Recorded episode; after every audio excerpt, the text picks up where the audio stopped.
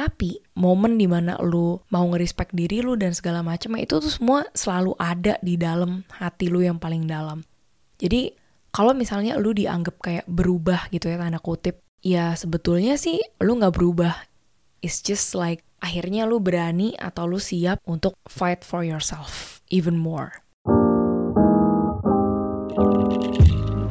Nah waktu itu ngomongin boundaries gue pernah tanya ke diskusi Instagramnya Abjad Tersirat Apakah kalian tuh ngerti soal konsep boundaries? Tapi banyak yang jawab hmm, apa itu boundaries? Aku tidak mengerti Nah untuk lebih jelas sebelum gue uh, menuju ke inti cerita Gue mau kasih tau dulu bahwa sebenarnya boundaries itu adalah cara di mana kita uh, menghargai diri kita dan juga uh, mencintai diri kita dengan mengakui batasan-batasan diri kita tuh seperti apa sih? Kita juga mesti tahu gimana cara mengkomunikasikan itu dengan kalem gitu, nggak langsung ngebentak-bentak orangnya. Anyway, gue belajar tentang boundaries ini ketika gue uh, dikasih tau sama psikolog gue bahwa batasan yang lu punya itu bukan langsung dipraktekin ke orang lain loh, tapi batasan itu harus dipraktekin terlebih dahulu ke diri lu sendiri. Dan gue sempet share uh, gimana sih cara lo mempraktekkan boundaries kepada diri lu sendiri di episode 56 ya. Waktu gue ngebahas soal cara-cara praktis untuk menjaga kesehatan mental lu walaupun lu nggak ada duit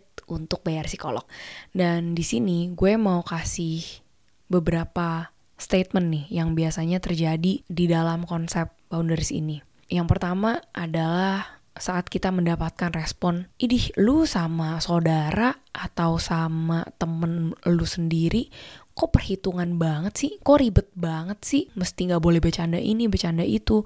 Dan hal yang berikutnya adalah konsekuensi apa yang pasti secara natural akan terjadi saat kita seteguh dan setegar batu karang dalam menjaga boundaries kita. Nah, di sini gue mau uh, ngebahas tentang statement yang pertama dulu yaitu tentang anggapan bahwa ya udahlah kalau misalnya lu sama temen lu atau lu sama keluarga lu sendiri ya cincay aja lah. Nah, dari apa yang gue pelajari dan juga gue alami, gue lahir dan besar di di lingkungan keluarga yang cincai-cincai itu gitu ya. Kalau ngomong ya nyablak, kalau misalnya mau ngomongin dia bego ya langsung aja ngomong lu bego gitu. Ya at least di keluarga gue we are fine with it gitu. Cuma seiring berjalannya waktu dan uh, semakin banyak gue menemukan berbagai macam orang, gue menyadari bahwa nggak semua keluarga kayak gue, nggak semua keluarga tuh nyablak dan nggak semua orang mikir bercandaan gue yang yang ini lucu gitu ya. Mungkin keluarga gue mikir ini bercandanya lucu, tapi nggak taunya pasangan gue atau teman-teman gue berasa bercandaan lu tuh anjing, menyakiti hatiku gitu. Sekarang tapi gue berada di situasi di mana gue baru sadar bahwa terlalu cincai itu tidak baik juga untuk menjaga kualitas hubungan. Karena kalau misalnya kita sama sekali nggak ada batasan, kita juga bingung gimana caranya sih untuk ngerespek orang ini gitu ya. Dan mungkin juga kita punya konsep yang cukup fakta ya tentang sebuah hubungan, entah itu hubungan pertemanan kah, atau pacaran kah, atau nikah kah, atau sama orang tua kah kita mikir semakin kita cincai atau semakin kita kayak ya udahlah nggak usah tersinggung tersinggung. Ya udah semakin kita dekat dengan orang itu. Padahal kita lupa orang itu juga punya emosi orang itu juga punya trauma atau cerita menyakitkan yang kita nggak tahu yang mungkin dari omongan kita kita trigger itu gitu ya. Jadi sebetulnya ya punya batasan di dalam hubungan apa pun itu itu penting. Untuk kita bisa tahu gimana sih cara ngerespek orang ini dan terutama gimana sih cara ngerespek diri kita gitu. Karena saat kita memberikan semua kebaikan itu tapi kita lupa bahwa kitanya tuh juga harus penuh dulu. Nah, itu ujung-ujungnya akan jadi bom waktu juga. Entah itu kita akan meledak ke orang itu dan akhirnya ngebawa-bawa kata eh gue tuh udah ngakuin semuanya ini ya buat lu gitu waduh itu by the way nggak enak banget kalau udah keluar kata-kata itu. Uh, atau lu miserable banget, lu akan jadi orang yang sangat-sangat exhausted mentally, lu udah burn out karena lu kayak selalu given, given, given, given ke semua orang, tapi diri lu tuh udah kering kerontang dan sebenarnya diri lu juga perlu diperhatikan gitu.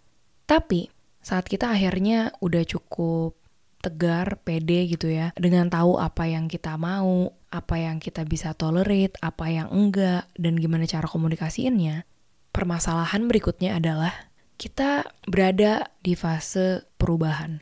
Uh, dan perubahan tentunya subjektif ya. kalau menurut kita perubahan ini baik, tapi kalau kita nanya orang-orang sekitar ya mungkin orang-orang yang bersangkutan atau yang ngerasain impact perubahan itu secara negatif akan ngomong, enggak sih, lu sih berubah jadi yang lebih buruk ya menurut gue gitu. Nah, sometimes dilema ini tuh bikin kita rasanya mikir gitu, apakah memang gue terlalu monster ya untuk setegas itu memberitahu ke mereka bahwa lu kalau misalnya nggak menghargai batasan-batasan gue yang ini dan needs gue yang ini walaupun gue udah kasih tahu udah ya gue gak mau kontak-kontakan lagi sama lu. Misalnya kayak gitu. Nah kadang-kadang kita mikir itu apakah kita terlalu evil saat kita melakukan itu tapi momen di mana lu mau ngerespek diri lu dan segala macam itu tuh semua selalu ada di dalam hati lu yang paling dalam jadi kalau misalnya lu dianggap kayak berubah gitu ya tanda kutip ya sebetulnya sih lu nggak berubah it's just like akhirnya lu berani atau lu siap untuk fight for yourself even more. Dan gak enaknya uh, saat kita sedang berada di dalam journey itu, sering banget kita merasa sendirian. Dan untuk orang-orang yang mungkin uh, sudah mempraktekkan ini ya, atau mungkin udah jaga jarak sama beberapa orang atau mungkin lagi coba komunikasiin uh, batasan-batasan lu tapi ini orang kok nggak ngerti-ngerti atau nggak dihargai sama sekali ya kita tuh selalu ada pilihan kok untuk akhirnya leave that relationship, leave that person gitu. Dan gue tahu gitu rasanya pasti aneh banget saat lu mau gak mau jauh atau ngerasa di misunderstood sama orang-orang terdekat lu.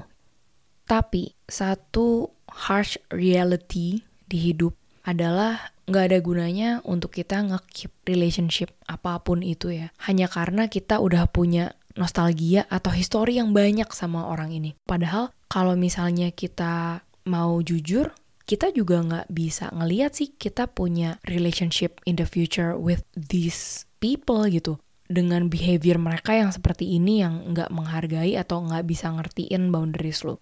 Gue nggak bilang ya untuk langsung cut contact gitu, langsung dar, ekstrim cut contact sama semua orang yang nggak bisa ngertiin lo.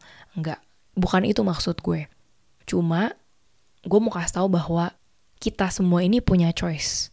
Di saat kita udah do our best untuk juga ngerespek dia, plus at the same time juga masih mengkomunikasikan apa yang kita perlukan ke orang-orang ini, tapi kita udah exhausted banget dan nggak pernah dapet uh, respon yang baik gitu ya dari mereka, ya udah, maybe it's time to leave gitu.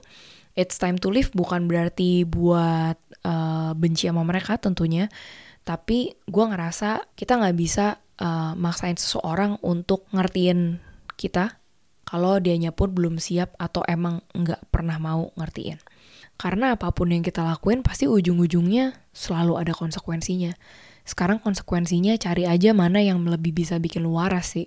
Di mata gue, kalaupun misalnya lu mau keep relationship ini, entah itu sama temen, keluarga, ataupun pasangan lu, tapi lu nya masih bisa tahan-tahan rasa enak lu ya ya udah kalau emang lu mau atau bisa menjalani kehidupan seperti itu go for it tapi kalau misalnya lu tahu bahwa one day ini akan meledak dan you cannot handle it anymore mendingan lu ambil konsekuensi di mana you better set boundaries ke diri lu dan juga ke mereka walaupun lu harus dianggap berubah, jahat, egois dan segala macemnya gitu. In the end, apa pun itu kalau misalnya lu ngelakuin dari motivasi yang baik yaitu motivasi untuk ngeprotek diri lu dulu, ngejaga tangki hati lu agar penuh dulu, ya lu baru bisa akan ngebagiin kebahagiaan itu ke orang-orang yang lebih deserve untuk membutuhkan itu. Jadi untuk kalian yang mungkin lagi struggle soal isu ini dan mungkin ada ketakutan juga ya tentunya saat kita ngerasa kok kayaknya uh, circle pertemanan gue makin mengecil gue juga makin jauh dari anggota keluarga gue tapi kok at the same time gue merasa peaceful gitu ya. Tapi juga ragu nih apakah gue akan mati sendirian gitu. Ya gue nggak tahu lah ya. But believe me saat kita memprioritaskan kewarasan diri kita kita pasti akan attract orang-orang yang tepat di hidup kita dan orang-orang itu adalah orang-orang yang deserve energi dan juga attention kita. So hopefully di bulan kedua tahun 2022 ini kita nggak lagi nge-keep relationship hanya karena itu banyak nostalgianya, hanya karena itu banyak memorinya, padahal itu relationship sama sekali nggak ada masa depannya.